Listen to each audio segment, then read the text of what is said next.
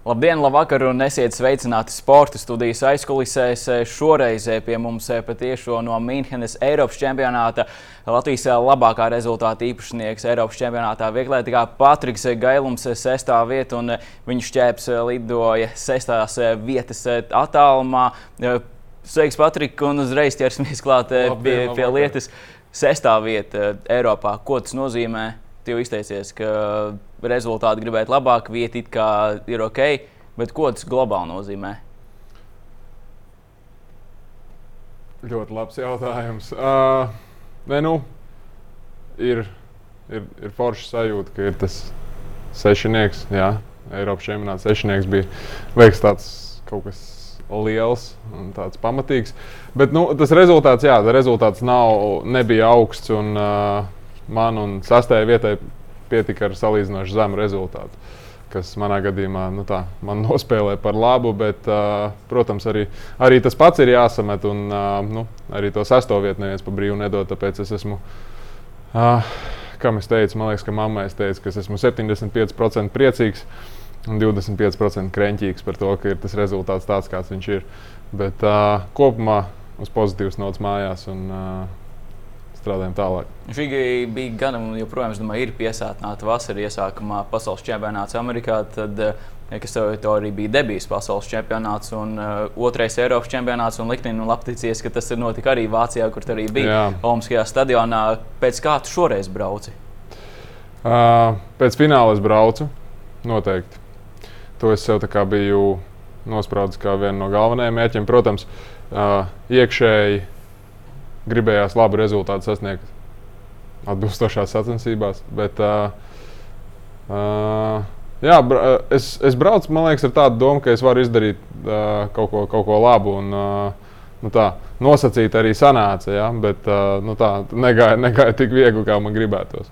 Eiropas čempionāts, tas, ka tev jau ir tā pieredze, šoreiz palīdzēja? Mm, kaut kādā mērā gan jau, ka jā. Uh, jo Laikam šogad es teiktu, ka, lai arī bez uztraukuma pirms sacensībām, nu, nav iespējams vispār nekādīgi. Uh, es domāju, ja nav uztraukuma vispār, tad tas arī ir sliktā vēsts. Bet uh, tu uztraukumu kaut kā tā menedžēt, nu, tā, mēģināt savākt. Un, uh, tas, laikam, arī šoreiz, nu, tā, pa kripatai, pa, pa kripatai tas palīdz. Un, uh, nu, arī beigās uz to, uz to, uz to trešo metienu fināla sacensībās. Uh, tā pašam sev uzsitiens pa plecu, ka tomēr nu, ka sanāca arī saņemties. Un patiesībā tas, tas pats stāsts jau bija pasaules čempionātā. Jā, pirmie divi metieni nav tādi, kādus gribās. Un uh, tad ar to trešo. Nu, Skrien ar spāņu. Spiedies, tu tu skrien ar to spāņu uz, uz, uz uguns, kuru dzēst, jā, tūlītās tev aizdegsies kaut kas tālāk. Tā kā, tur ir tas, ka atrast to veidu, kā tu ar sevi sarunājies. Jā, monologs vien, pašam ar sevi. Uh, jā, lai tu, lai tu tiec cauri tam, tam murgam, kas pēkšņi galvā iemetās. Jo, protams, viens mirklis ir tāds, ka tu jau kā domā, nelaid iekšā to, tos kaut kādas tās ārējās lietas, ka nu, šis ir pēdējais metiens un viss. Jā, un, uh, tā kā labāk tad, lai skan, skan Eminems galvā. One shot, one opportunity. Un, tā kā dziesma, jā, reāli arī noskanēja vienā brīdī. Tad, tad Ar bija, pašā stadionā? Jā, jā, nu tā, kad man bija tas uh, pēdējais mēdienis, es tur, kā, tur dīdos riņķī un uh, pēkšņi Eminems. Bet tas ir tas uh, veids, kā tu pats arī noskaņojies uh, metieniem, ieeja sevi. Jo zinām, ka ir dažādi sportisti, arī īstenībā jau tur paliek zem sēdziņas, un tikai viņi pati zina, ko, uh, ko viņi tur vai nu sev pasaka, vai vispār neko nepasaka.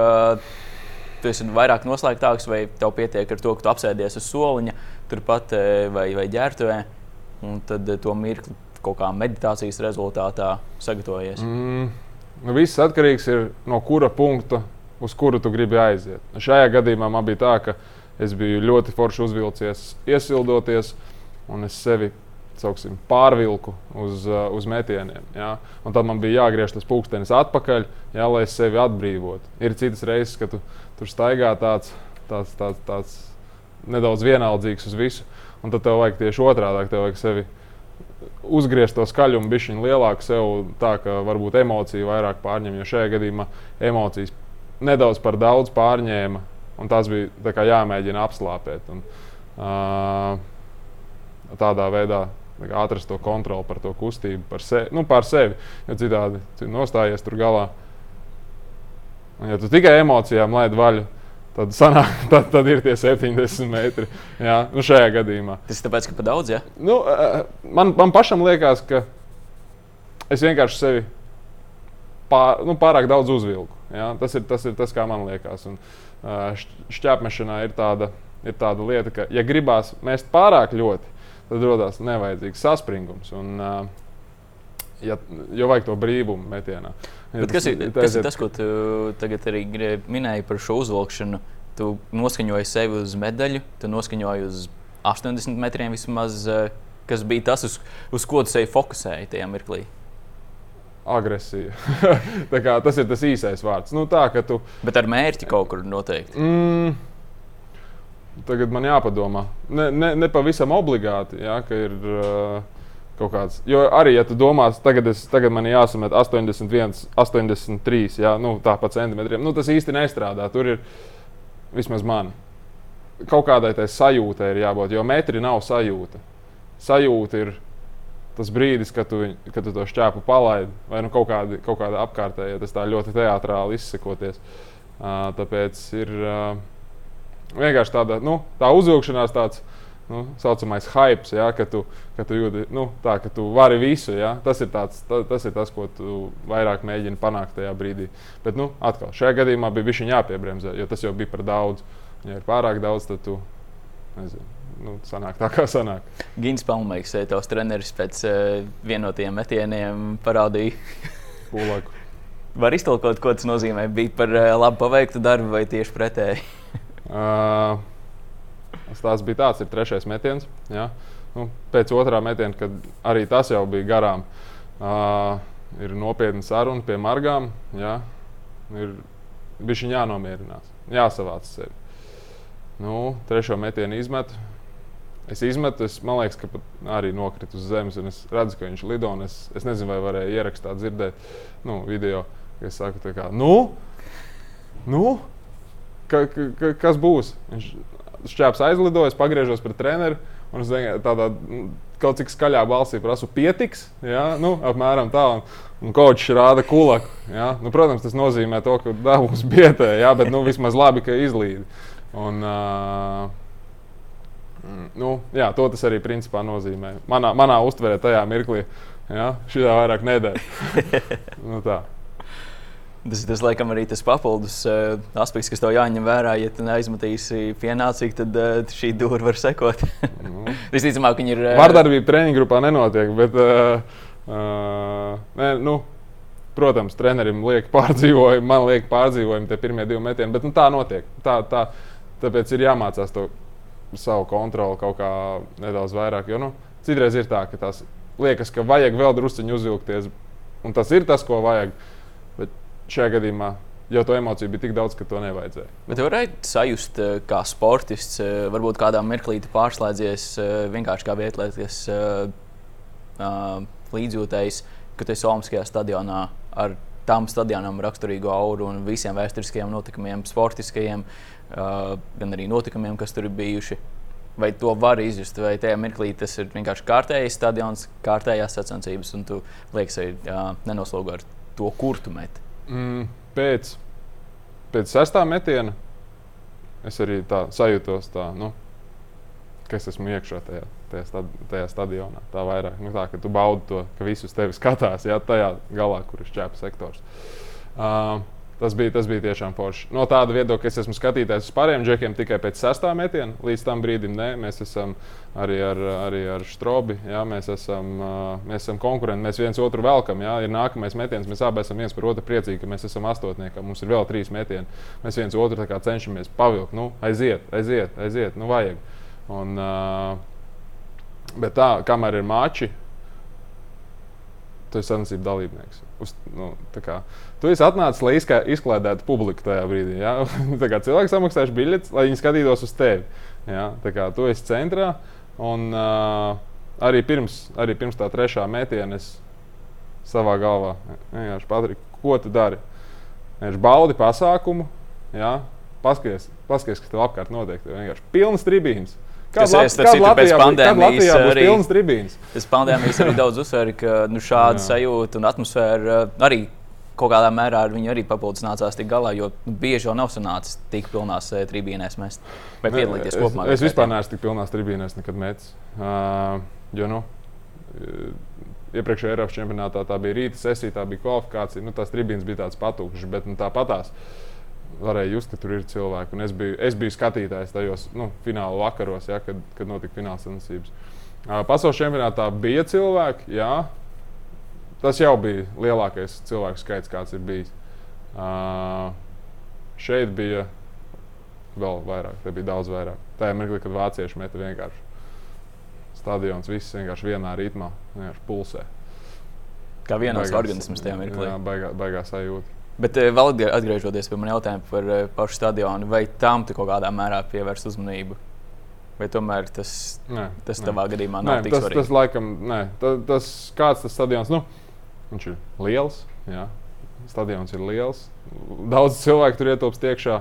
Bet kas tur ir noticis? Nē, eh, nē tas, tas, tas, bijis? kā, tas baigi. Tas baigo sajūta nekāda atsevišķa neiedēva. Nē. Kāda šogad bija infrastruktūra Eiropas čempionātā? Jums bija kaut kāda sava zona, kur jūs eh, varējāt iemēģināt šķēpu. Cik tā bija pārdomāta un pielāgota atlētiem vispār tā uh, iesildīšanas zona? Mīnhenē viss bija kārtībā. Nu, teiksim, bija atsevišķs stadions, kur varēja mest 5 minūšu braucienā no lielā kolorūma, ja, kur visus džekus savāc kopā. un Tad dodas pārbaudīt, cik tev garas naglas ir, ja, tev numuri viss ir 5 minūšu attālumā. Tāpēc šķēpa arī bija ar ko mest. Tā kā nebija, nu, pie, pie organizācijas sacensību nebija īsti kur piesieties. Viss bija, viss bija tā, kā, tā kā es kā sportists sagaidu no lielajām sacensībām, ka viss ir kaut cik pārdomāti. Ja? Man nav pēkšņi jālauza galva, kā lai es nokļūstu no punkta A uz punktu B. Nu, tā sacensības viesnīca un tā tālāk ir konkrēts laiks, kas caur visas dienas garumā arī tā arī kustās. Un uh, arī sacensību iekšienē tur nebija tā, ka nolikumā ir rakstīts, jābūt vismaz diviem metieniem, jā, iesildoties. Jūs tikai divus arī metīsiet. Jo tā ir gadījies. ka Tikai divus iedod. Ja laiks pietiek, droši. Nu, ne, cik tev, ne, ne, ne cik tev gribās. Tev vēl, es teikšu, pagaidām nav izdevies sasniegt eh, Olimpisko mērķi, savu sapni, bet eh, tas, ka Vācijā un tieši Minhenē notika šis apvienotais Eiropas čempionāts, bija gan riteņbraukšanā, Eiropas čempionāts, eh, peldēšanā, pludmales vai volejbolā. Savā ziņā tāds kā mini-olimpiskās spēles ar atlasītiem sporta veidiem, mm. vai tev izdevās sajust šo vienoto kopīgo pasākumu atmosfēru? Mm, nu es iebraucu salīdzinoši vēlu. Es kā pēdējais, kā pēdējais kopā ar uh, soļotāju Raivo, mēs iebraucām. Es dienu pirms sava starta, un uh, tad jau daudz kas bija beidzies. Arī. Nebija arī tā, ka bija baigta laiks kaut kur staigāt apkārt un skatīties pārējos sporta veidus. pat pilsētā dzīvo ar to, ka tur ir vairāk Eiropas Pilsētā varēja just, ka tur ir vairāk sporta veidu, un tajā dienā pirms, sanāk, kas tā ir pa diena, sestdiena. Es gribēju, lai arī liela lietas, bet es, man bija kā brīvāks tas laiks, un es gribēju pirms meiteņa fināla aizbraukt līdz uh, pludmales volejbolam, ko es arī izdarīju. Bet nu, lietas bija, tā, nu, bija pamatīgas lietas. Es tāpat tās devos uz turieni, likās, nu, paskatīsies, nu, jā, es esmu šeit jāpaskatās. Tas vēl, vēl, vēl mūsējās mēģinājums nespēlēja tajā brīdī. Tas bija par agru, tā tā bija man liekas, bronzas spēle. Un es eju, un visi cilvēki nāk tikai pretī. Es domāju, nu, kāds sakars, nu, ne jau es esmu nokavējis. Un ir pulkstenis pieci, un ir jābūt, jābūt ir bronzas spēlē. Pa stundu vēlāk pārcēlu lietus dēļ, un uh, neko tas tā arī nesanāca. Nevienu citu sporta veidu redzēt dzīvē. Jā, jā. Sanāca, sanāca, man liekas, ka akmens uh, sudraba redzēt pa televizoru. Pa televizoru, pa televizoru. Tāda vienotā, ko viņi arī mēģināja radīt šo Eiropas spēļu sajūtu. To jūs kā atlētājs kaut arī ieradies salīdzinoši vēl izdevās noķert. Īsti jau nē. To varbūt just, ja, ja tur būtu tāds lielāks ciemats ar vēl citiem sporta veidiem, bet principā viegli dzīvoja savā viesnīcā, citi sporta veidi dzīvoja savējās. Nesatiec arī tos pārējos. Tāds, nu, jū, tu jūti, ka tas ir Eiropas čempionāts viegli lietikā. Mm, tas ir tas, ko tu jūti. Nebija tā, ka tu atsevišķi jūti, ka jā, te ir vēl pārējie. Te. Un, un, un, nu tā, tā baigi nebija. Varbūt. Jā, no skatītāja viedokļa, es domāju, to varēja daudz labāk just. Kopumā pieciem izdevās pārsniegt 80 metrus uh, Eiropas čempionāta fi- fināla kārtā. Tas ir uh, rādītājs, uz ko mums jāņem vērā kā Eiropā. Kāda ir konkurence? Mm. Arī labs jautājums. Nu, uh, tur Eiropas čempionātā bija vīri, kuriem personīgais atļauj mēs daudz tālāk par 80. Arī tie daži nesamet. Uh, bija arī tādi, kas nebija Eiropas čempionātā, kuri ir traumējušies vai kā citādāk. Um, nu, kopumā jau laikam jāteic, ka tie galvenie, kas šogad ir, jā, nu, viņi arī veidoja to, to, to trīnieku, jā, četrnieku. Jā, vāciešiem ir šobrīd neliela krīze šķērmešanā. Labi, viņi vinnēja. Ar zelta. Nu, jā, jā. Nu, tā kā Julians vinnēja, jā, uzvarēja, bet uh, nu, aiz viņa ir tāds patukšāks, jo šobrīd uh, tas, kas ir pēdējo gadu vislielākā zvaigzne, ir arī notraumējies, un viņam ir tāds nedaudz tūkstneša sajūta, bet uh, kā viņi paši to saka. Jā, bet, uh, tas līmenis jau nu, ir apmēram tāds, kāds, tāds, kāds arī ir bijis. Jā, šogad ir vēl viens, vēl viens vīrs, kas ir pār 90 metrus, jā, čeks. Šotreiz bija. Jā, viņš, arī, viņš nav nemaz tik jauns, vairāk, bet nu, šogad viņš personīgo sametu. Šogad laikam tikai 2 metri pār 90. Uh, pasaulē. pasaulē trīs vismaz, jo pakistānietis samet 90. Vēl pakistānietis tad jā. Jā, jā 90, 88. Bet, ja mēs palūkojamies, varam gan Eiropu, gan varbūt arī pasauli pieķert, bet sākot ar Eiropu, tie, kas met nu, stabili vismaz pāri 70, vienkārši lai skatītāji saprotu, kāda ir konkurence šķērpmešanā, cik tie ir Eiropā pieņemsim. Vai, vai, pāri jā, 70, jā, 50, 100, 200. Uh. Šis arī jāpadomā. Nu, pāri 70 metriem. Es domāju, ka met daudz cilvēku. Nu,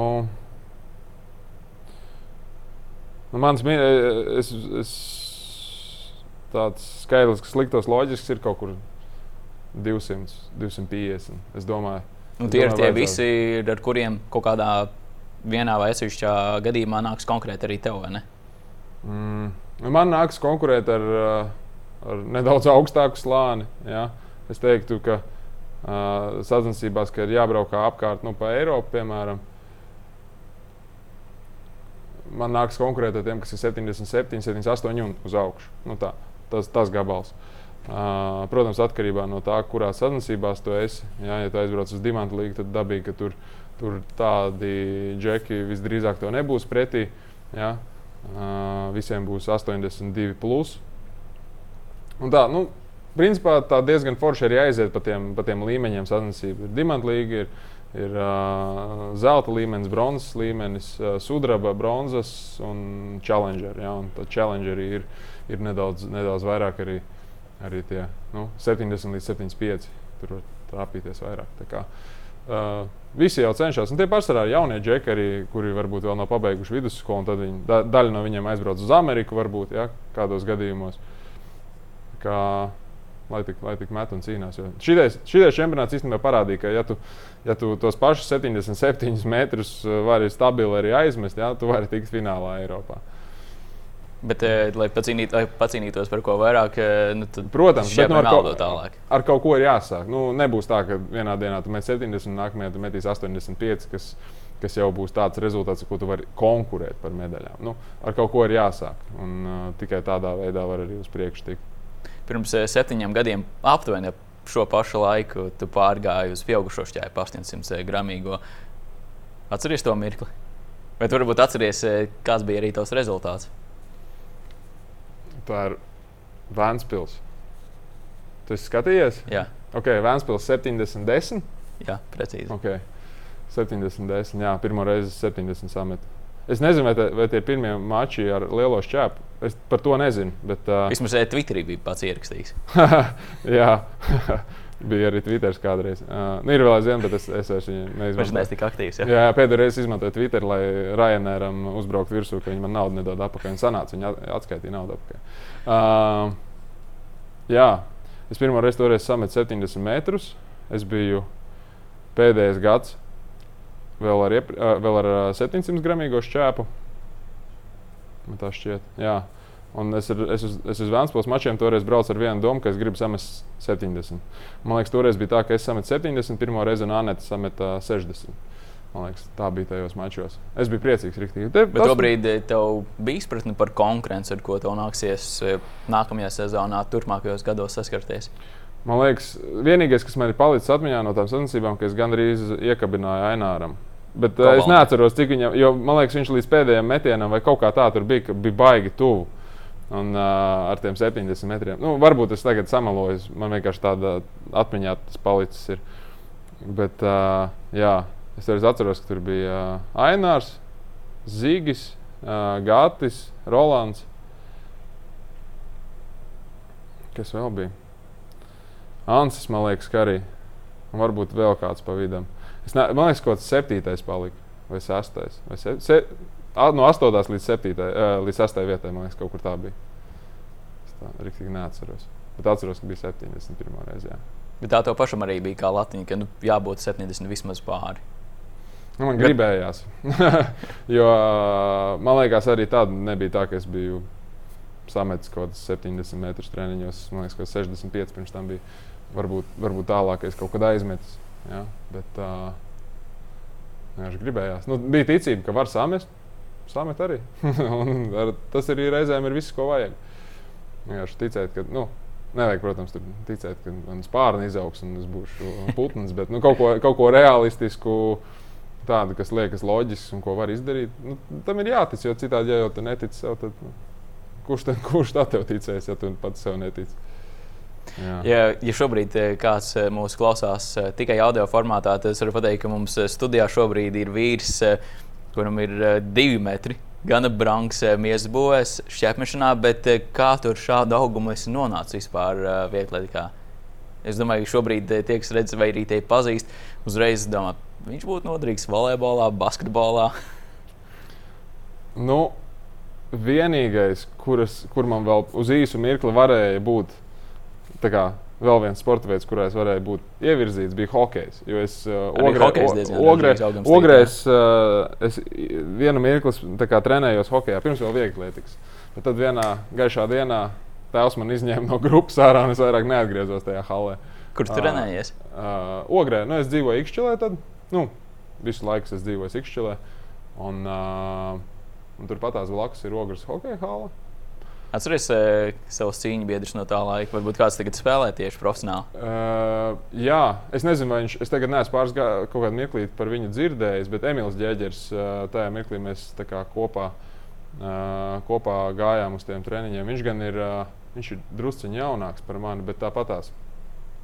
Un, uh, tad tur vēl bija, vēl bija pāris džeki, kuri pēc tam dzīvē man ierotēja atpakaļ. Nu, Latvija jau maz ir un tā gadās. Ka, ļoti seni, seni cilvēki pēkšņi ierotēja atpakaļ. Kā tu vispār nonāci vieglietikā? Kas bija tas eh, nezinu, vai sludinājums avīzē, vai kas ir noskatīts, nocēlts eh, no hokeja? Pats teica, ka tēvs tevi izņēma ārā. bet droši vien ir kāda motivācija. Par, patiesībā tos apstākļus es nezinu vēl šodien. Jā. Viņš man nestāsta, kāpēc, kāpēc, kāpēc viņš tā izdarīja. Ja tur kaut kāds stāsts ir apakšā. Gan jau, nekas jau bez iemesla nenotiek. Bet, uh, uh, nu, principā, vieglietika bija nosacīta neizbēgama. Es jau tā domāju, tāpēc kā tēvs pats bija viegli lietas, lietas augstumu. Un, uh, nu, beigās tā organiski arī sanāca, ka man iestūma viegli lietas, un tad es sāku savus gaitas ogrē uh, pie Jūra Iklāva, kurš vēl aizvien nāk uz stadionu. Man bija liels prieks, ka viņš bija uh, stadionā šī gada pirmajos mačos Latvijā, kad es 82 sametu. Un, uh, jā, man bija prieks, ka viņš redzēja to metienu klātienē. Ja viņš vēl aizvien ir vienmēr ogrē, viņš ir vienmēr sacensībās, sēž kaut ko pierakst. Nav nejausmas, ko. Bet, jā, liels prieks viņu redzēt. Varbūt viņš eh, raksta memoārus par tevi. Varbūt, es nezinu. Bet man liels prieks viņu tur redzēt vienmēr. Un, tu paķēri šķēpu vai tev iedeva? Vai tu izrotēji kā jau klasiski vairākas disciplīnas? Mm, zini, kā es jau nebiju maziņš arī tad, pirmajā klasē. Un, protams, man lika skriet sprintu, laika tālumu, ja, kas parastākais. Bet, nu, Mums jāņem zirdziņš, bija lodziņa grūšana. tā, nu, ko atliek ražēna džeki tikai piebarot kārtīgi un neiztum. Un, uh, tā arī bija. Nu, patiesībā lodziņa grūšanā jau es jau šogad ziemā uzstartēju. Un, bet es vienu reizi biju plānots arī Latvijas čempionātā, ka es startēšu, bet pirms tam vienā treniņā sanāca pārlaist lodi pāri pa pirkstiem. Tad uh, sāka sāpēt locītā un saprata, ka labāk nevajag uh, riskēt ar liekām atrakcijām. Bet, uh, jā, kad, kad sīkāks bija, tad jā, nu, ko, ko deva darīt, to arī darīja. Bet es īstenībā nezinu, kā es, kā es nonācu nu, tā, pirmo reizi līdz šķēpa mešanai. Es tā līdz galam neatceros. Uh, jo viens stāsts, ko es esmu dzirdējis, ka mammai bija ideja, ka aizsūtām viņu uz šķēpu treniņiem, jo tas sakrit kaut kad ar laiku, kad Ainārs dabūja sudrabu Pekinā. Man liekas, kaut kas tāds. Visam pa vidu vēl bija rokas salauzis, un tad bija tā, ka hmm, viņam ir lausta roka, un mums ar viņu vajadzētu darīt, jo atpakaļ ar BMX braukt mēs negribam viņu laist. Atkal bija BMX. Jā. Nu, bet tas bija tāds, kur nevis, nevis kā olimpiskais, ja? kaut gan es nezinu, freestyle laikam tagad arī būs olimpiskais. Mums Ikšķilē bija tā uh, saucamais trailer parks, jā, rampas. Nevis skateparks, bet nu, kur ir. Uh, Tagad arī, manuprāt, ir. Ir vēl aizvien, jā. jā, jā. Nu, tagad ir arī skate, uh, skateparks. Bet uh, tas bija, tas īstenībā bija ļoti labs posms priekš, priekš manis. Jo bija baigi daudz jācīnās ar to, ka tev ir bail uzkāpt uz estakādas augšā un tu gribi izbraukt to līniju, izlekt viņu. Bet, Baigi bail. tad tu tikai metās kājas pie zemes. Bet jā, es uh, veiksmīgi salauzu roku. Un tad bija jādomā, ko ar mani darīt. Otru roku kā veselu var kaut ko mest. jā, jā, jā. Man, jo labā bija vesela, es kreiso salauzu. Un, uh, kā, un, jā, tad es vienkārši aizsūtīju Rīgā pie Indras Eversons. Un tā arī sākās. Maz pamazām, maz pamazām tā mēs, tā mēs arī sākām. Un, uh, pirmajā sezonā es neatceros, cik es sametu. Vai pirmajos mačos es tiešām neatceros. Tikai atceros, ka man pirmā sensības es aizbraucu. Kaut kur tēvs bija dabūjis naglēnas, pumas melnas, kas bija kaut kāds divs izmērs man par mazu. Viņš kā pirms arī bija tā salocīta. Jā, un vēl tajā reizē, kad mēs braucām, man bija ūdens pudeles somā.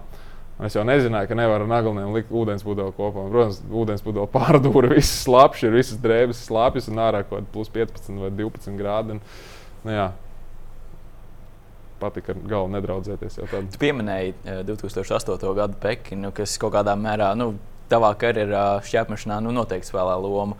Aināra Kovala izcīnītā medaļa, vai viņš bija kaut kādā brīdī tev velks joprojām? Un kuri um, bija tie cilvēki, uz, uz sportisti, uz kuriem traudzījies, kā, kā piemēram? Um, es domāju, ka Aināra un arī Vadima medaļas ļoti ietekmēja manas sportiskās gaitas netiešā veidā. Jo tas, ka viņiem bija medaļas, ļāva būt Latvijas čempionāta klubam, kas tas gan ir manī izauklējis. Nu, tā, es es tā varētu atļauties teikt, ka es esmu šķērsmeļa kluba produkts. Jo visas nometnes, kur, kuras organizēja šķērsmeļa klubs, pārsvarā es biju vienmēr tajās. Un, palīdzēja gan, gan kādreiz naglens sagādāt, gan liekas, arī kaut kādus divus vai pat trīs šķēpus es no viņiem esmu dabūjis. Ja? Dažādas, nu, dažādu vecumu kategorijām. Kā, netiešā veidā noteikti viņi, viņi ir ietekmējuši tas, kā, ir, kā viss ir noticis. Uh, bet tā kā elks, labs jautājums. Man bija tā, ka vienu brīdi uh, tas bija. Jo Vadims Ainārs, un man liekas, arī pat Zīgis bija. Viņi likās vecāki. Nu, viņi ir vecāki, bet uh, es, viņu, es tik ļoti nevarēju sastaistīt sevi ar viņiem. Nu, tā. Man tas varbūt likās tas solis pārāk liels. Bet trīs gadus vecāks bija Džeks vārdā Gatis Čakšs. Un viņam bija, viņam bija naglenes, tādā baltas naika naglenes. Un, un man tajā laikā baigi gribējās tādas. Es vienmēr atceros, ka es skatījos, kā viņš meta viņās. Man tās man arī tādas vajag, un tad es metīšu super. Tā. Tad man liekas, viņš meta 65, tikai neatceros, ar kuru, ar kuru šķēpu. Man liekas, ja man būs tāds naglens, ar tā varēšu samest. Ja man bija sarkani, naglens ir spēks. Naglens noteikti ir spēks. Bet tad ir tā, tu dabū tās naglens, un tad tu viņus uzvelc pirmo reizi uz mačiem, un visu, ko tu dari, tu skrien apkārt un skaties uz savām kurpēm, nevis skaties, kur tu skrien. Tas ir nosmērēts. Nē, vienkārši tā, viņas patīk, ka tu izlaiž uz kājām skaties. Un, uh, nu, jā, bet uh, Man liekas, ka Gatis ir tāds pirmais, ko es atceros. Kā, jā, un tā kā tu aiztais acis, tu iztēlojies, kāds ir tas metiens, un tu redzi Gati savā priekšā. Tagad... Es viņam stāstīju, Tagad viņš uzzinās pirmo reizi, manuprāt. Tagad viņš sapratīs, ka mēs dažkārt ziņā skaties. jā, jā, jā, tā sapņaini. Paskatoties arī tev. Uh, Ierakstu izglītības uh, jomā redzam, ka tu esi pabeidzis arī Rīgas trešo gimnāziju, kas ir uh, Vecrīgā. Uh, tas nozīmē, ka tu no Ikšķilas uh, katru dienu braukāji uz un no skolas, un vēl pa vidam treniņu. Jā. Kā tajā laikā vispār izvēlēties to apvienot, un kuram varbūt bija tā trakā ideja, ka sūtām skolā Rīgā un vēl papildus vēl šķēpmešanu? Apvienot nebija nemaz tik grūti. Nu tā, ja tā godīgi. Jo bija tā, ka es uh, mācījos visu laiku Ikšķilē. Un, uh, es braucu uz pirmās gimnāzijas kursiem, matemātikā. Un man pietrūka, ja nemaldos, trīs punkti, lai tiktu iekšā pirmajā. Un tad man liekas, ja es netieku pirmajā, tad es nekur negribu iet. Bet tad uh, mamma bija ļoti dusmīga uz mani par šo lēmumu, jo mamma ir vienmēr stūmusi manu izglītību uz priekšu. Uh, un, un, un, un, un uh, viņa bija dusmīga, ka es teicu, ka es palikšu Ikšķilē. Ja es netieku pirmā, es paliku Ikšķilē. Bet Ikšķilē nav, nav vainas. Ne, nav nevainas, bet uh, nezinu, viņi nebija priecīgi par šo, par šo frāzi no manas puses. Un, uh, un tad pēc tam kā, nu, sāka parādīties kaut kādas domas, ka varbūt tomēr jābrauc. Ir, projām, ja, jau ir, ja jau es pa pusē izdomāju, ka tu arī varētu kaut kur doties, tad trešā bija tāds variants, jo tur mācījās kaut kādi paziņas, radi kaut kādi draugi tajā laikā. Tāds labi, jāiet vienkārši uz trešo. Tā arī, tā arī es saku. Bet tā ir centra skola, ir tīpaši sabiedrībā zinām, vecāki atveses tur iet un noteikti ballītes daudz ātrāk, vec, ātrākā vecumā tur sākas. Kā tev izdevās? Vai pat pašam gan piedalīties, vai arī tieši tālāk no grēka? tā, ja būsim pavisam korekti, pirmā, pirmā pamatskolas balīts, kur man palaida, bija izlaiduma balīti 9. klasē. Līdz tam man nekur baigi tā nelaidīja, man atmiņa nebija. Uh, tā kā, nu, tādas, kas ir kaut kur atsevišķas. Bet nu, trešā gimnāzijas ar savu vērienu, domāju, mm. nu, pašā skolā bija foršas balvas. Nu, tā. Bet nu, tad tā pati māma kaut kādos trijos naktī vai divos naktī man brauc pakaļ. Jā, mēs visu laiku esam noslēgtā telpā, mēs ārā pēc desmitiem neejam, uh, un, uh, jo mums nav 16 vēl. Un, uh, jā, tā mēs tur pa to iekšā bija, bija foršas balvas. Un, uh, Tu biji tāds apzinīgs, vai tomēr arī ne, varbūt kādu pārkāpumu, ne pārkāpumu, bet blēņas arī tevi atrada. Nē, nu, blēņas jau viss atrod kaut kādā brīdī. Uh, es pat nezinu, grūti pateikt. Nebija tā, ka es biju baigājis potu gāzējs. Un kādreiz jau kaut kas sanāca. Tagad, kas pirmais nāk prātā? Neiešu. Kas bija? Ah, pirmais, kas ienāk prātā. Bet es nezinu, vai tas bija pamatskolā vai jau vidusskolā. Ka Jā, bija dzēžmīgi par rokai, es izdomāju viņu mēst, un es netīšām trāpīju vidusskolniecei pats. nu, tā vienkārši nu, ne no kurienes stulbas ir. Tas mešanas gēns, laikam, nu, no viņa laikam nevarēja tikt. Nē, nu, tad, jau, tad jau es metu, jā, un uh, tad bija tāds, jā, dzēžmīgi, nav manējā jāmet projām, un tad kaut kā rikušēts sanāca un dabūja pāci. Tad nu, dabūja, man liekas, rakstīt paskaidrojumu.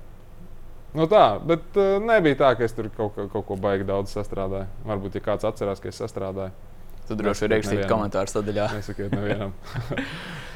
Izglītības eh, jautājums, kā tu pats minēji, mamma vienmēr eh, nu, to diezgan aktuāli, aktualizēja arī tavā dzīvē.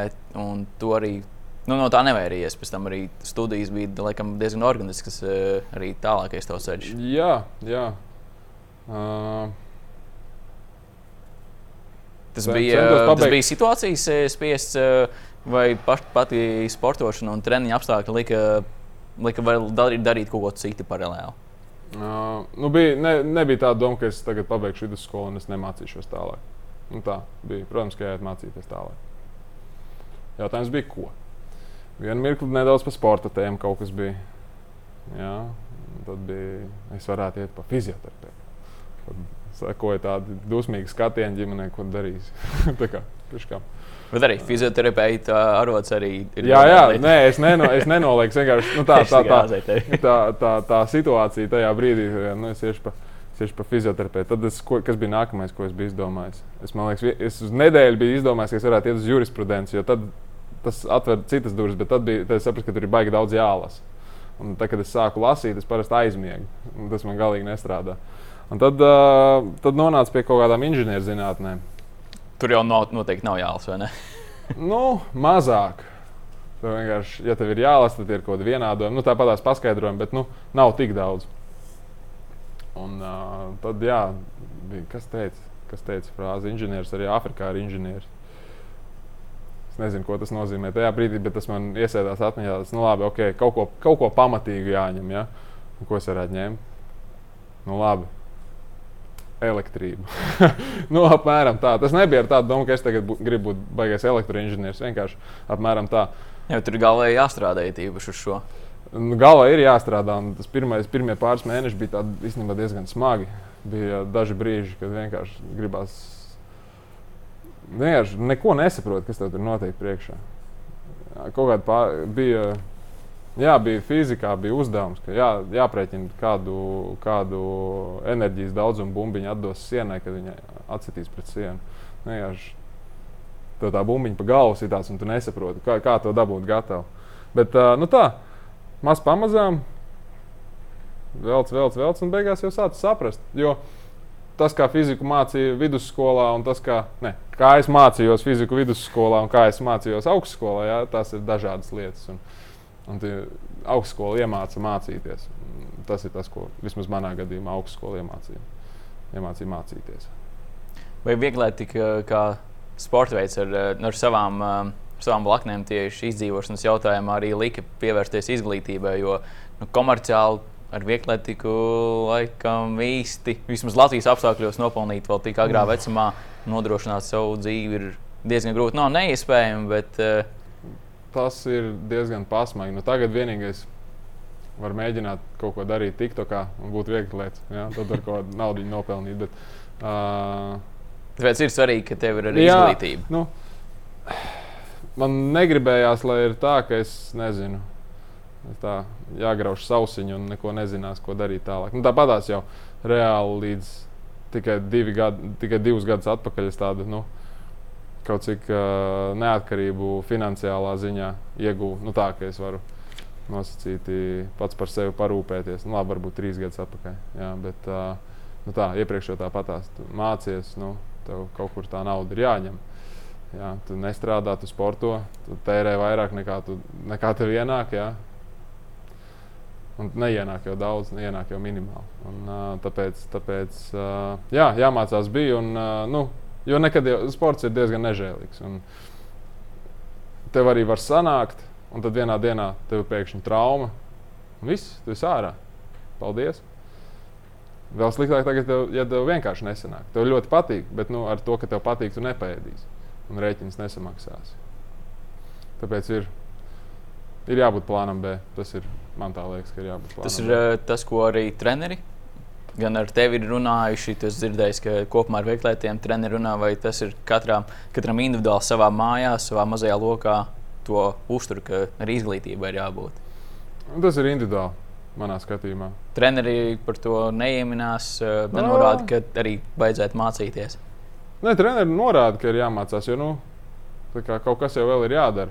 Jo, ja tu nemācies vispār, tad ir lielāka iespēja, ka tu iesi strādāt. Un, ja tu iesi strādāt, tad visdrīzāk nenāks treniņiem. Nu, tā. Bet ir daļa, kas liek visu kas vienā visu groziņā. Un, un, arī un, veiksmīgi, un arī veiksmīgi, un dažiem sanāk. Un, uh, tas ir tāds arī komplicēts jautājums, jo katram ir tie apstākļi, citi aizmugurē savādāk. Un, uh, arī tur, uh, ja ir labi izdevies startēt junioros, jauniešos, un tu esi ticis medaļās, un tev arī kaut kāds tas pabalsts ir. Un, ja tev kā jaunietim ir, ir arī tas pabalsts, ja, uh, nu, no Olimpiskās vienības, piemēram, un uh, varbūt arī pašvaldība vēl kaut ko palīdz. Un vēl labāk, ja tu vēl atrod kaut kādu privāto sponsoru, nu, tu reāli vari iztikt.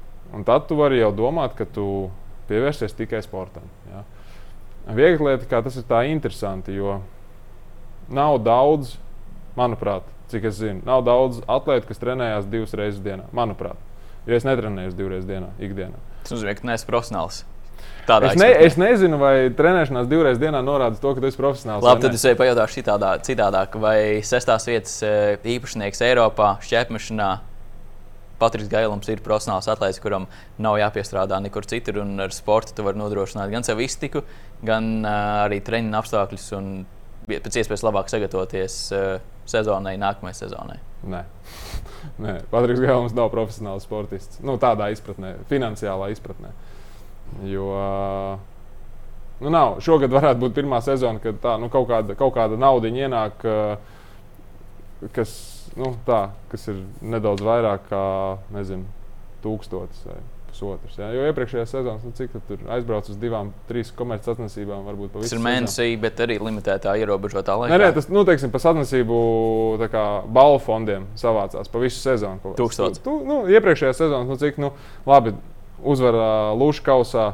Neatceros, cik bija pagājušajā gadā. Varbūt tikpat, cik šogad kaut kādi 800 vai 700 eiro. Okay, tas ir forši. Tas ir īstenībā priekš, priekš tā līmeņa sacensībām tas ir ļoti labi. Uh, nu, pa Latviju arī. Nu, kā, kā, kā pa vietām sakrīt? Labi, Latvijā var, ja tu vinnē visu, ko vari vinnēt, jā, nu, tad var, man liekas, Latvijā sa, sa, sagrabināt kaut kādu pusotru tūkstošu. Tas ir uz visu sezonu. Un tad pārējais nu, aizbrauc uz, uz, uz Grieķiju. Ja? Pa pirmo vietu 500 eiro. Nu, labi. Tev, atsa, nu, tev, tev nosedz lidošanu, dzīvošanu un tā tālāk. Tu aizbrauc uz nākamo vietu, tas ir līmenis augstāk par otro vietu, 500 eiro. Nu, sezonas griezumā, nu, cik tur ir? Tur nav nekas daudz. Ja, ja nebūtu Olimpiskās vienības atbalsta, vai vieglāk Latvijā vispār varētu pastāvēt? Vie, uh, Olimpiskās vienības, vienības atbalsts manā skatījumā ir ļoti labs burkāns, ko kratīt arī priekšā. kā, uz kuru tiekties. Jo tas ir, uh, tas ir tāds labs mērķis, uz kuru iet, jo tad ir gan atbalsts, gan tu jūties arī tāds vajadzīgāks. Nu, tā, tā sporta sistēmai kā tādai. Un, uh, protams, ir tās naudas treniņiem, ja, nu, nometnēm. Ja, tu vari aizbraukt uz to vienu, divām nometnēm, kas arī ir, tas ir svarīgi, tas ir daudz. Protams, jo augstāk kāpa tam kāpnēm, tad tev parādās pabalstiņš. Ja, lai arī neliels, bet tomēr kaut kāds. Reizes mēnesī parādās ar plusiņu zīmīti no, no Svetbankas vai no Citadelas. Ja? Ja, parādās ar plusiņu, nevis ar mīnusiņu. Nu, tā, nu tā, tās mazās lietas kaut kā akumulējās, ka tu jūti, ka jā, ka tā Olimpiskā vienība tev palīdz, un, uh, un tas ir, protams, patīkami. Bet kur tu pats uh, strādā, un pēc būtības tas laikam ir tavs uh, galvenais finanšu avots, ar ko tu vari pats nodrošināt tikai iztiku, bet arī ieguldīt savā attīstībā. Jā, jā. Es strādāju Sijako. kā, kā vēsta krāklis, pārdodam un apkopjam un apkalpojam būvniecības iekārtas, tehniku un, un tādā garā. Ja? Uh, Protams, ļoti palīdz tas, ka uh, tas, ir, tas ir ģimenes pasākums. Arī tas ļoti palīdz. Bet uh, nav tā, ka es, man ir kaut kādas milzu atlaides tajā, ka. Tā bija darba intervija arī? Man, man darba intervija bija uh, 22 gadus. Bija man darba, darba intervija. Ja? Bet, uh, protams, ja tas ir kaut kāds savējais iekšējais ģimenes pasākums, tad uh, tā attieksme pret lietām ir daudz citādāka. Tas nav tā, ka tu nezinu, aizēji uz darbu. Uh, manā skatījumā, tu aizēji uz darbu, tad darbs beidzas piecos, te uzreiz projām. Ja? Nu, tas, kas notiek uzņēmumā, es to saistu ar sevi, kā, nu, kā ar savu uzvārdu, ar, ar, ar sevi tā padziļinātāk. Līdz ar to man ir ļoti liela interese visās tajās lietās. Un, uh, tas tā, tā diezgan organiski apaug. Sākot ar, ja es, es sīkāks biju, es tur nezinu. Noliktavu kādreiz sakārtoju, vēl kaut ko, ja, tad nu, tā maz pamazām, tad vienu vasaru ar mehāniķiem kopā kaut ko padara vēl. Nu, tā, saprotu, tad jau inženierzinātne laikam nebija tālu no tav, tavs, uh, tavas izvēles. Nu, tagad, tagad tāda, no, no specifiskā viedokļa, no elektroinženierijas, man vienīgais, kurš šobrīd sanāk pielietot dabā, varbūt kādreiz ir pie elektroģeneratoriem, jā, kur arī ir mūsu, mūsu darba specifikā iekšā. Uh, Nu, nedaudz, bet pavisam nelielā mērā. Un tagad arī var aprēķināt, kurā laikā laikam, ir izdevīgāk arī. To, par to es rakstu eh, nu, saistībā ar Nordpūlu biržu, ja, kur, kur, pie kuras mēs šobrīd esam pieslēgti, ja jums ir uh, dinamiskais tarifs. Ja, tad, uh, tad jā, es par to rakstīju bakalaura darbu, par elektroenerģijas, elektroenerģijas uh, biržu Nordpūlu. Un es uh, skatos, kad mazgāt drēbes. Ķeramies klāt pie laikam, sāpīgākā temata, vismaz Latvijas vieglietīgā infrastruktūra. Kur trenējuši ķēpmetēji, un vai jūsu situācija ir kaut nedaudz labāka nekā sprinteriem un citu disciplīnu pārstāvjiem? Nu, situācija ir smaga. Nu, tā, šodien pat es biju pirms intervijas šeit. Es biju Dāngas stadionā. Un, uh, nu tā, saprotošs vīrs man nāk pretī un prasa individuāli. nu, tā, nu, saprotams, ka nu, jautā, kas pa lietu, ko, nu, kas tu esi, ko tu dari, vai tev ir jāmaksā, vai tev nav jāmaksā. Ja? Uh, tas ir viņa darbs. Jā, mans, mans arī darbs ir būt tur un trenēties. Un, uh, nu, nav kur uh, īsti mums likties Rīgā. Nu tā, ja pavisam godīgi. Kur tu tiem, tu kas, tiem, kas uh, šķēp, mēs šādi tad metam uh, pie Rīgas Tehniskās koledžas, tur šķēpētai klubam ir celiņš. Ja? Uh, tur var pamētāt. Kādreiz, nu, teiksim, tagad, kad, kad sāksies skola, ja, tad uh, pēc skolas laika, nu, kad tur nav uh, bē, jauniešiem, bērniem mācības, ja, un sporta nodarbības, tad mēs tur varam, tur mums uh, dalām to laukumu ar regbija komandu. Tāpēc reizēm jāsarunā, ir kas kā. Lai netrāpītu viņiem. Ja. Nu, jā, nē, nu, bet tur arī džeki saprotoši, viss kārtībā. Ja? Viņi, teiksim, ja viņiem ir treniņš uz lielā laukuma, viss kārtībā. Mēs pa maliņu, ja mums vajag tajā dienā kaut ko pamētāt. Nu, tā mēs tur nelecamies viens otram virsū, ka viss tagad viena minūte pāri, tagad sāks mans laiks lasīt projām. Nu, nē, nu, nav tā. Un, tā kā visu var, visu var cilvēcīgā veidā sarunāt. Ja? Bet uh, nu, ziemā ir ļoti smagi. Ja? Nu, ir, ir Nacionālā sporta manēža, ja? kur ir. Tas laikam ir bēdas stāsts kopumā vispār Latvijas atletikā. Vai tā, tā, tas, tas, tas, tā ir realitāte. Nu, nu, ja tur var uzņemt uh, filmu par uh, sapņu komandu, baigās dekorācijas neliekot, nu, tas pastāsta par lietu, ja, kas tur notiek. Nu, tā būva ir novecojusi. Nu, tur nav vietas visiem. Nu, Tallinā ir trīs manēžas. Rīgā ir 0,7. Ja, nu es teiktu tā. Jo tur nav kur baigi, kur likties. Bet tas ir tas, kas mums ir un ar ko mums ir jāstrādā šobrīd. Un, uh, tāpēc mēs ar uh, lielu prieku braucam uz Valmieru ja, pa ziemu un mēs uh, dodamies uz turieni. Bet ja apstākļi ir uh, tādi, lai tur pilnvērtīgi var trenēties, vai atkal nāks kaut ko pielāgot? Tur praktiski var izdarīt visu, ko vajag. Nu, tā, ir kaut kādas varbūt astītes, ja, kuras līdz ideālam būtu. Bet, uh, bet tas ir pāris lietas. Tā, lai kārtīgi trenētos, tur pilnībā pietiek.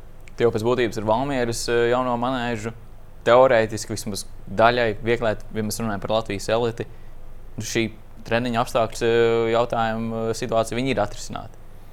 Vai, Jā. vai ne līdz galam? Nu, kā uz to skatās? Nu, ar, ar, ar vienu manēžu 150 vai cik ir Valmiera no Rīgas, 150 km no Rīgas, tā situācija netiek atrisināta. Ir forši, ka ir liepājā manēža, kas, teiksim, man kā šķērsmetējiem pilnībā der. Jā. Man, man, nu, man pilnībā pietiek ar to, kas arī tur ir idejiski. Valmjerā ir ļoti liels pluss, ka tur var dzīvot. Turpat tās iekšā manēžā un idejas, ja tev ir ko ēst un ko dzert. Un tev neko nevajag ārpus, ārpus manēža. Tu ziemā vari tur arī visu laiku būt iekšā. Tev pat ārā nav jāiet. Bet Dzīvo tev, kurš būt. nav profesionāls, kuram vēl ir jāstrādā ikdienā, tad nu, Liepaņa Valmiera īsti nedara. Ne, nu, uh, manā gadījumā tā darba specifika atļauj strādāt attālināti. Tāpat tās treniņš ir viens ir desmitos, piemēram, nometnē. Ja? Pirms tam tu paēd, tu paēd brokastis, tu pastrādā, tev ir treniņš, tu paēd pusdienas, un tu līdz vakaram atkal pastrādā, un tad tev ir piecos treniņš. Ja? Nu, to, var, to var izdarīt. Nu, Es, es varbūt esmu tāds gadījums, kurš vienkārši mierā nevar nosēdēt. Man kaut ko vajag darīt. Ja, ja es nestrādātu tur, kur es šobrīd strādāju, es kaut ko citu darītu. Ja. Nu, tā atrast, nezinu, eBay kurpes tirgot. Nu. Nu, kaut ko es darītu, jebkurā gadījumā, jo tas ir, tas ir vienkārši tā, tā kā es esmu teikt, uzbūvēts, un man kaut kas ir jādara visu laiku. Bet, uh, nu, protams, tas bija kaut kādā brīdī traucē. Jā, ja tev ir darbs un tev ir jābrauc uh, uz to katru dienu tāpat uz Valmīru neizbraukās. Mēs braucam uz nometnēm, uz turiem mēs tur nu, nebraucam dienu dienā šurpu turpu. Ja. Uh, tā, kā, nu, tā, tā būvju situācija ir diezgan skarba. Jā, tur varētu diezgan ilgi, dikti un detalizēti runāt par atsevišķām lietām. Bet, uh, jā. Tas kopumā ir atbilde uz jautājumu par rezultātiem gan pasaules čempionātā, Olimpiskajās spēlēs par to, kāpēc ir tā, kāpēc varbūt nav labāk vai citādāk? Protams, tas atsaucās kaut kādā mērā. Um, es teiktu tā, tā sporta būvju nēsamība visvairāk ietekmēs to vieglatlētiku, kas būs pēc septiņiem gadiem. Nu, septiņiem, desmit un tā tālāk. Jo tas, ka vienkārši nu, to bērnu jau nav kur aizsūtīt normāli. Nu, tā, jauniešu līmenī, nu, kāda, ja tu esi tiešām motivēts, iet trenēties un darboties, un, nu, tā, ja tu neesi tas nu, šaubīgais, kurš varbūt izvēlēsies basketbolu, varbūt izvēlēsies uh, florbolu, volejbolu. Ja? Tad sporta būve jau būs viena no tām lietām, kas tevi, kas tevi pavilks. Jo tad, kad es biju sīkāks, tad uh, Olimpiskajā sporta centrā nebija vēl sadalīts uz pusēm šis pēdējais laukums, kur tagad ir pludmales volejbols vēl daļai. Tur mēs šķērsmetēji tikai praktiski tusējām. Un tas bija priekš mums praktiski pietiekami. Ja mums baigi nevajag to lielo apli. Ja? Pa, pa, pa virāžām skriet un tā tālāk. Mums tur bija diezgan, diezgan daudz vietas. Uh, svarus mēs tur arī varējām taisīt, mest mēs tur arī varējām. Bet, nu, tagad, kad uh, jau, jau vairākus gadus tur ir arī pludmales volejbols, nu, tur paliek pa šauru, un tad tur vēl sarodās cilvēki. Ja, tad mēs tur reizēm konkurējam ar, ar citiem sporta veidiem vēl par to pašu laiku. Un, tad uh, tur gan ir bijis tā, ka pulkstenis notikšķi un ejiet projām. Ja? Uh, varbūt ne paši darbinieki, bet tie, kas nākamie nāk. Ja? Tur praktiski tā, ka tur atnāk grupiņa ar, ar tenisistiem. Ja? Un saka, nemētā. Mani, mani audzēkņi skatās un novērš uzmanību no, no sava darba. Neinteresants treniņš ir novērš uzmanību. nu, ko darīt? Ir, ir interesantākas lietas. Tāpēc uh, Bet, nu, risinājums tā vai tā ir kaut kur lāpīties ar treniņu vietām. Nu, jā, nē, nu, nav jau, nav jau citas ārzemēs, ja tu vari atļauties viņas. Jā, nē, nu, nometnes ārzemēs, ja viņas var atļauties, tāpat tās būs efektīvākas kā nometne tepatās. Es tā domāju. Tāpēc, ka nomainot vidi pavisam, tu arī darbojies citādāk. Vismaz man tā liekas. Un arī tas klimats, piemēram, tu aizbrauc uz Portugāli uh, agrā, agrā pavasarī. Ja? Un tas ir pilnīgi citādāk, kā tu aizbrauc tajā pašā laikā, darot to pašu darbu. Tepat tās Valmērā, piemēram. Nu, tā, tas emocionālais pacēlums ir cits. Tas, tas iedod tādu pienesumu. Vairāk, protams, tev vēl saule spīd, ir forši, ir silts. Ja? Nu, tas, kas liek tev tajā treniņā piespiest sevi vēl vienu reizi kaut ko izdarīt, Ja, ir lielāka iespēja, ka tu to izdarīsi Portugāles nometnē nekā Valmieras nometnē. Man tā vismaz liekas, jo tas emocionālais pacēlums ir lielāks. Varbūt tā, ka profesionālam atlētam arī, pieņemsim, Valmierā to pašu vajadzētu izdarīt. Uh, jā, to vajag izdarīt, un to arī dara. Vienkārši jautājums ir, kāda ir tava sajūta pēc tam. Jo cik ilgspējīgi tas varbūt kaut kādās reizēs ir. Iespējams, es tagad vienkārši kaut ko murgoju, bet man tā liekas, ka tu aizbrauc uz siltajām zemēm, un tu, nu, tev liekas, ka tu vari izdarīt vairāk, jo vienkārši tevi Uh, tur ir gan silts, tevi, tevi, tevi baro citādāk, ja? tev ir kaut kādas citas emocijas. Jo ļoti daudz jau kas nosaka tajās emocijās, un tu tur, piemēram, tu esi trīs nedēļas, nu, tu trīs nedēļas no vietas dzīvojies. Tu jūties labi, nu, visu laiku. Nu, trīs nedēļas būt ieslodzītam uh, manēžā ir citādāk kā trīs nedēļas uh, skraidīt pa zālāju, kur atļauj skraidīt arī pa zālāju. Ja? Uh, kas Latvijā ir retums. Tu to visu vari, vari mierīgi darīt. Un tev tur apkārt vēl ir sportisti, ja, kas arī uz viņiem tu skaties. Viņi skatās uz tevi, ja tur viss notiek, viss ir barā un visi iet uz, iet uz augšu. Un šeit tu kā profesionāls sportists esi vienīgais profesionāls manēžā, ja, piemēram. Nu, tas ir tavs darbs, bet nu, neteiksim, tu jūties vientuļš, bet mazāk iedvesmots varbūt kādreiz. Un tieši šīs varbūt konkurences apstākļus arī treniņu grupā. Mm. Tas ir, tas ir arī tas ir ļoti individuāli, kā kuram. Man patīk pamačoties treniņos. Bet uh, ir atkal cilvēki, kuriem tas varbūt uh, lieku nu, tādu stresu varbūt var radīt kaut kādās reizēs. Tāpēc es arī es neķeru krēķi, ja kāds saka, ka viņš negrib ar mani kaut kādu, varbūt, nezinu, testus uztaisīt kopā un tā tālāk. Es vienmēr esmu ar lielāko Atvērts. prieku. Es esmu atvērts. Arī tajos veidos, kuri man nesanāk. Jo man ir veidi, kas dabīgi, kas sanāk labāk, ir, ir veidi, kas man sanāk sliktāk. Bet par tiem, kas te savā nāk labāk, sarunas beigās vienkārši arī to gribēju pajautāt. Cilvēks ir izglītība, noteikti arī daudz precīzāk var izstāstīt perfektā uh, metiena uh, anatomiju. Kā sadalās, kam ir jānotiek, lai būtu tas perfektais metiens? Uh ir plūdums. nu tā, ja tā pavisam, pavisam tā vienkārši sakot, nu, tai kustībai ir jābūt plūstošai. Bet viss sāks ar ieskrējienu. Viss sāks ar ieskrējienu. Viss Cik sāks garam viņam jābūt? tik, cik tev ir ērti. Jo uh, ir, ir citreiz tā, ka uh, kāds saka, es varu no krusoļiem samest, tur nezinu cik, un es kā paņemu lielo ieskrējienu, tā neko nevar samest. Priekš kam tu ņem to lielo ieskrējienu? Svarīgi jau ir nevis tas, ka tu tur skrien baigi tālu no kaut kurienes, bet tas, cik tu vari beigās aizmest. Ja tur aizmest no pieciem krusoļiem vairāk nekā no garā ieskriena, kāda problēma? Taupa enerģiju, met no pieciem un uh, būs labi. Uh, bet tā, nu, uh, te arī te ir. Tāpēc šķērsmešana ir, manuprāt, interesanti. Jo ir baigi daudz receptes, kā nonākt pie viena un tā paša rezultāta. Bet, piemēram, pa, paņemot uh, tavu metienu, jā, cik piemēram, liela slodze ir uz vienu, uz otru kāju tavā izskrējienā? Uh, nesam, līdz, līdz... Mēs neesam, mē, nu, tā mēs neesam mērījuši, uh, cik ir teiksim, noliekot uh, bloku. Uh, cik liela slodze ir jāiztur kājai un tā tālāk. To var darīt Somijā, to es zinu. Es nezinu, varbūt Latvijā arī var, bet mēs neesam to darījuši. Un, uh, un, un, un, un, un, jā, manā gadījumā ieskrējiens ir. Tagad Minhenē bija ātrs celiņš, jā, ir 91 mana pēda. Jā, tā tad uh, 34 reizes 91 jā, nu, centimetri.